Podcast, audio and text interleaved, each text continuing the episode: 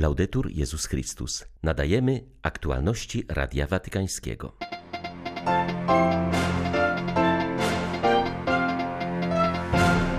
Papież apeluje o wykorzenienie wszystkich niesprawiedliwości, które są przyczyną głodu na świecie. Pisze o tym w liście do sekretarza generalnego ONZ przed szczytem w sprawie wyżywienia. W Watykanie rozpoczął się proces w sprawie afery korupcyjnej w Londynie.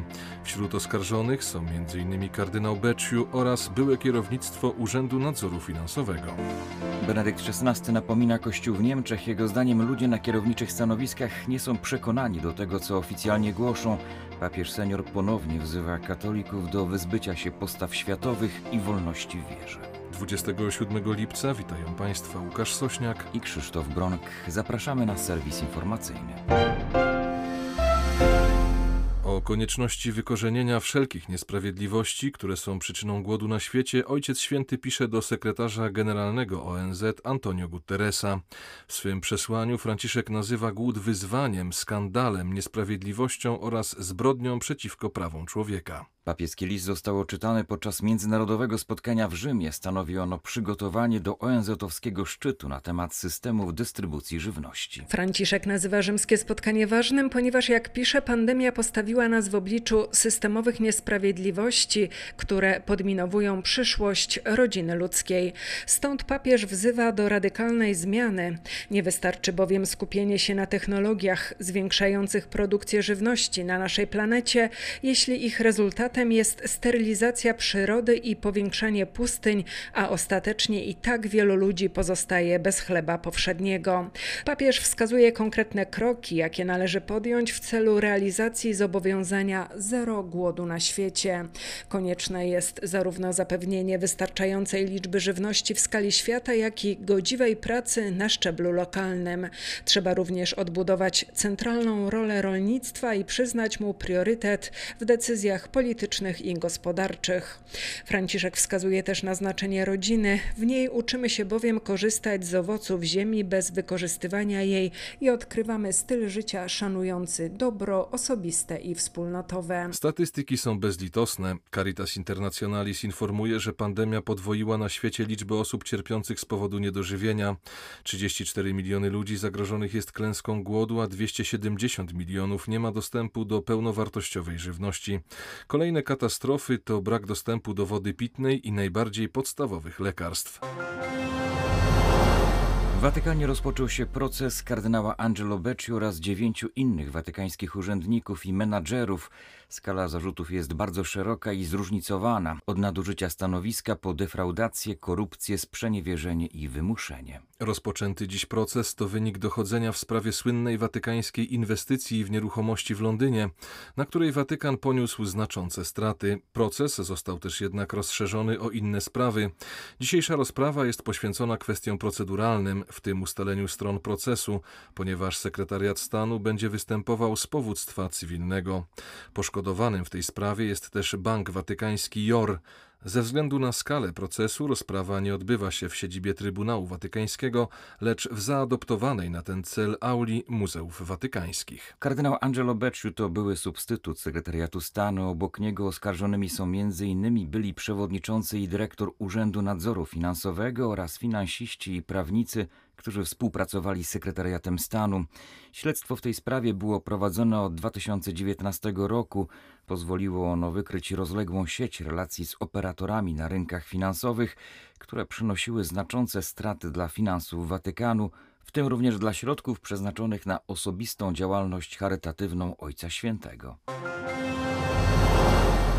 Benedykt XVI wskazuje Kościołowi w Niemczech przyczyny jego aktualnego kryzysu. Z okazji przypadającej w tym roku 70. rocznicy swych święceń kapłańskich, papież senior udzielił pisemnych odpowiedzi na pytania postawione przez dziennikarza niemieckiego czasopisma Herder Korrespondenz. Swemu rodzimemu kościołowi pogrążonemu w narodowej drodze synodalnej Benedykt XVI przypomina, że nauczanie kościoła musi rozwijać się z wiary i wierze. Przestrzega zarazem przed szukaniem ucieczki w samej tylko doktrynie, rozumianej jako rezerwat oddzielony od codziennego świata. Podkreśla, że człowiek wierzący musi odnajdywać wciąż na nowo rzeczywistość wiary w realiach codziennego życia. Benedykt XVI powraca też do wskazówek, które pozostawił swym rodakom podczas wizyty apostolskiej w Niemczech w 2011 roku. Mówił wówczas, że Kościół musi się stawać mniej światowy, w coraz większym stopniu nabierać dystansu do tego, co go otacza. Dziś papież senior przyznaje, że postulowane przez niego odświatowienie wskazuje jedynie na negatywny aspekt postawy, na której mu zależy, a mianowicie na uwolnieniu się od uwarunkowań epoki, by wejść w wolność wiary. Benedykt XVI zauważa, że problem katolicyzmu w Niemczech wyraża się również w tym, co trafnie określa się mianem Kościoła oficjalnego. Wspomina, że już w 1951 roku, kiedy był wikarym, widział, że wiara katolików, którzy pełnili odpowiedzialne funkcje w Kościele, pozostawiała wiele do życzenia, co osłabiało ich świadectwo. W dzisiejszym Kościele problem ten jest jeszcze bardziej rażący. W instytucjach kościelnych, takich jak szpitale, szkoły czy caritas, kierownicze stanowiska zajmują ludzie, którzy nie podzielają misji Kościoła i tym samym dyskredytują świadectwo tych instytucji. Jak długo w oficjalnych tekstach Kościoła będzie się przejawiał tylko urząd, a nie serce i duch, odpływ od wiary będzie postępował, ostrzega papież senior. Poniedziałkowy poranek przyniósł kolejną katastrofę migracyjną. Jak podaje Międzynarodowa Organizacja do Spraw Migracji, u wybrzeży Libii podczas nocnej próby przeprawy do Europy zginęło 57 osób, w tym około 20 kobiet oraz dwoje dzieci. Łódź z zachodnioafrykańskimi migrantami, m.in. z Nigerii, Gany oraz Gambii, których znaczną część stanowiły kobiety, zaczęła nabierać wody około dwóch godzin po rozpoczęciu przeprawy. Ostatecznie zatonęła niedaleko portu Koms, oddalonego o 120 km od stolicy Libii Trypolisu. Dokładna przyczyna tragedii nie jest znana. Libia jest głównym miejscem przeprawy migrantów do Europy. Dane pokazują, że pandemia nie przyczyniła się do spadku liczby osób poszukujących lepszych warunków życia. Liczba ofiar migracji w tym regionie dochodzi w bieżącym roku do blisko tysiąca. To ponad 700 osób więcej w porównaniu z tym samym okresem w roku ubiegłym. Ponad 13 tysięcy osób zostało dotychczas zawróconych na ląd przez libijską Straż Przybrzeżną. Sytuacja w dalszym ciągu domaga się zdecydowanych działań ze strony Włoch oraz całej Unii Europejskiej. Kościół na Sardynii utworzył kryzysowy fundusz solidarnościowy dla pogorzelców. Na południu tej włoskiej wyspy od kilku dni trwa bezprecedensowa katastrofa. Gigantyczny pożar strawił ponad 20 tysięcy hektarów obszarów leśnych i rolnych. Zniszczone są domy, gospodarstwa i uprawy. Ewakuowano kilka tysięcy osób. Co roku walczymy z pożarami, jednak tak ogromnej katastrofy nie pamiętają najstarsi mieszkańcy Sardynii. Na całe szczęście dotąd obyło się bez ofiar w ludziach, mówi Radiu Watykańskiemu biskup Mauro Maria Morfino. Ordynariusz Algero podkreśla, że pomoc pogorzelcom niesie miejscowa Caritas.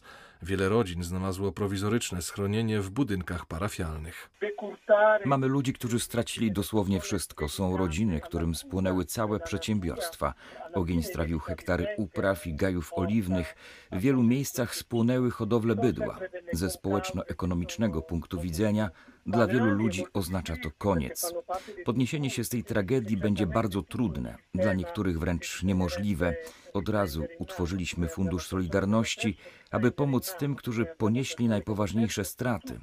Diecezja udostępniła 50 tysięcy euro. Natychmiast pojawiło się wiele osób i instytucji gotowych do niesienia pomocy. Powinniśmy być wdzięczni, ponieważ oznacza to, że wciąż dostrzegamy ból innych, że nadal istnieją silne międzyludzkie relacje, które dają nam nadzieję. Ten aspekt solidarności jest czymś bardzo pięknym i wcale nieoczywistym.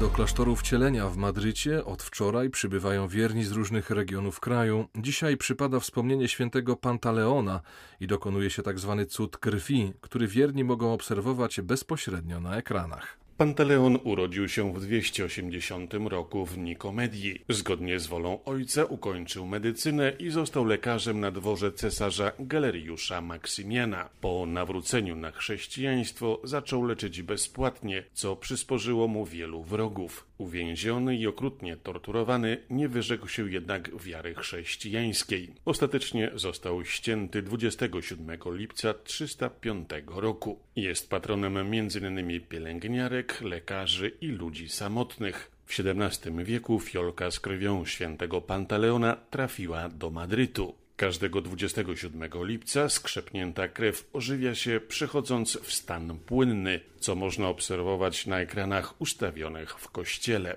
Drugi rok z rzędu wierni nie mogą ucałować relikwii z powodu panującej pandemii i zaleceń sanitarnych. Z Madrytu dla Radia Watykańskiego ojciec Marek Raczkiewicz, redemptorysta. W wietnamskiej diecezji Wini wyświęcono 34 nowych księży. Ze względu na wzrastającą liczbę powołań, połowa z nich stanie się misjonarzami Fidei Donum w miejscach, w których brakuje kapłanów, także poza Wietnamem, zdecydował miejscowy biskup. Większość z nich trafi do diecezji Hung Hoa w północnym Wietnamie, która obejmuje 10 prowincji położonych w trudno dostępnych terenach górskich i niezinnych z około 250 tysiącami wiernych, ale z bardzo ograniczoną liczbą prezbiterów. Zależy nam, aby wszyscy wierni na tych terenach mieli pełny dostęp do sakramentów, powiedział biskup Alfonso Nguyen Hulong. Hierarcha zaznaczył, że Wietnamczycy potrzebują obecnie szczególnego duchowego wsparcia ze względu na wyjątkowo trudną sytuację pandemiczną oraz liczne klęski żywiołowe w tym kraju. W związku z tym neoprezbiterzy zasilą także szeregi kapelanów pracujących na oddziałach covidowych.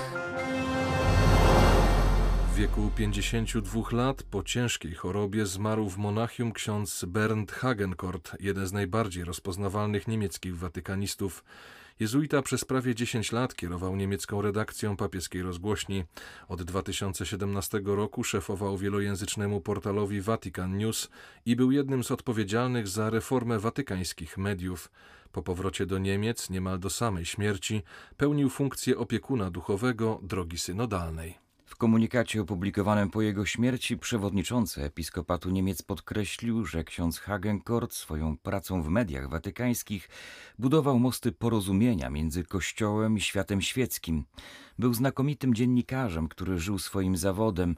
Jego trafne analizy pozwalały nam zrozumieć zjawiska zachodzące w Kościele, napisał biskup Georg Betzing. Na potrzebę trzeźwości we wszystkich obszarach życia społecznego, zwłaszcza w rodzinach, zwrócił uwagę biskup Tadeusz Bronakowski, przewodniczący zespołu apostolstwa trzeźwości i osób uzależnionych przy konferencji Episkopatu Polski. Łomżyński biskup pomocniczy wygłosił homilię podczas 17 ogólnopolskiej modlitwy o trzeźwość narodu w miejscu piastowym na Podkarpaciu. Biskup Bronakowski podkreślił szczególną rolę ojców w wychowaniu do trzeźwości. Jak bardzo potrzeba nam dzisiaj świętych ojców, którzy będą odpowiedzialnie, z miłością sprawować opiekę nad swoimi rodzinami. Przewodniczący zespołu apostolstwa trzeźwości i osób uzależnionych zaapelował do rządzących, samorządowców, mediów, lekarzy i duszpasterzy o skuteczną walkę z plagą alkoholizmu rodaków. Zaznaczył, że trzeba także dzisiaj z całą mocą powiedzieć, jak przed laty kardynał Wyszyński, non possumus. Nie możemy pozwolić na niszczenie i demoralizację młodego pokolenia. Nie możemy pozwolić na niszczenie małżeństwa i rodziny. Nie możemy pozwolić na rozpijanie narodu. Przewodniczący zespołu apostolstwa trzeźwości i osób uzależnionych zachęcił, by podobnie jak w latach poprzednich podjąć w sierpniu apostolat trzeźwości. Z Warszawy dla Radia Watykańskiego ojciec Stanisław Tasiemski, Dominikanin. Były to aktualności Radia Watykańskiego. Laudetur Jezus Chrystus.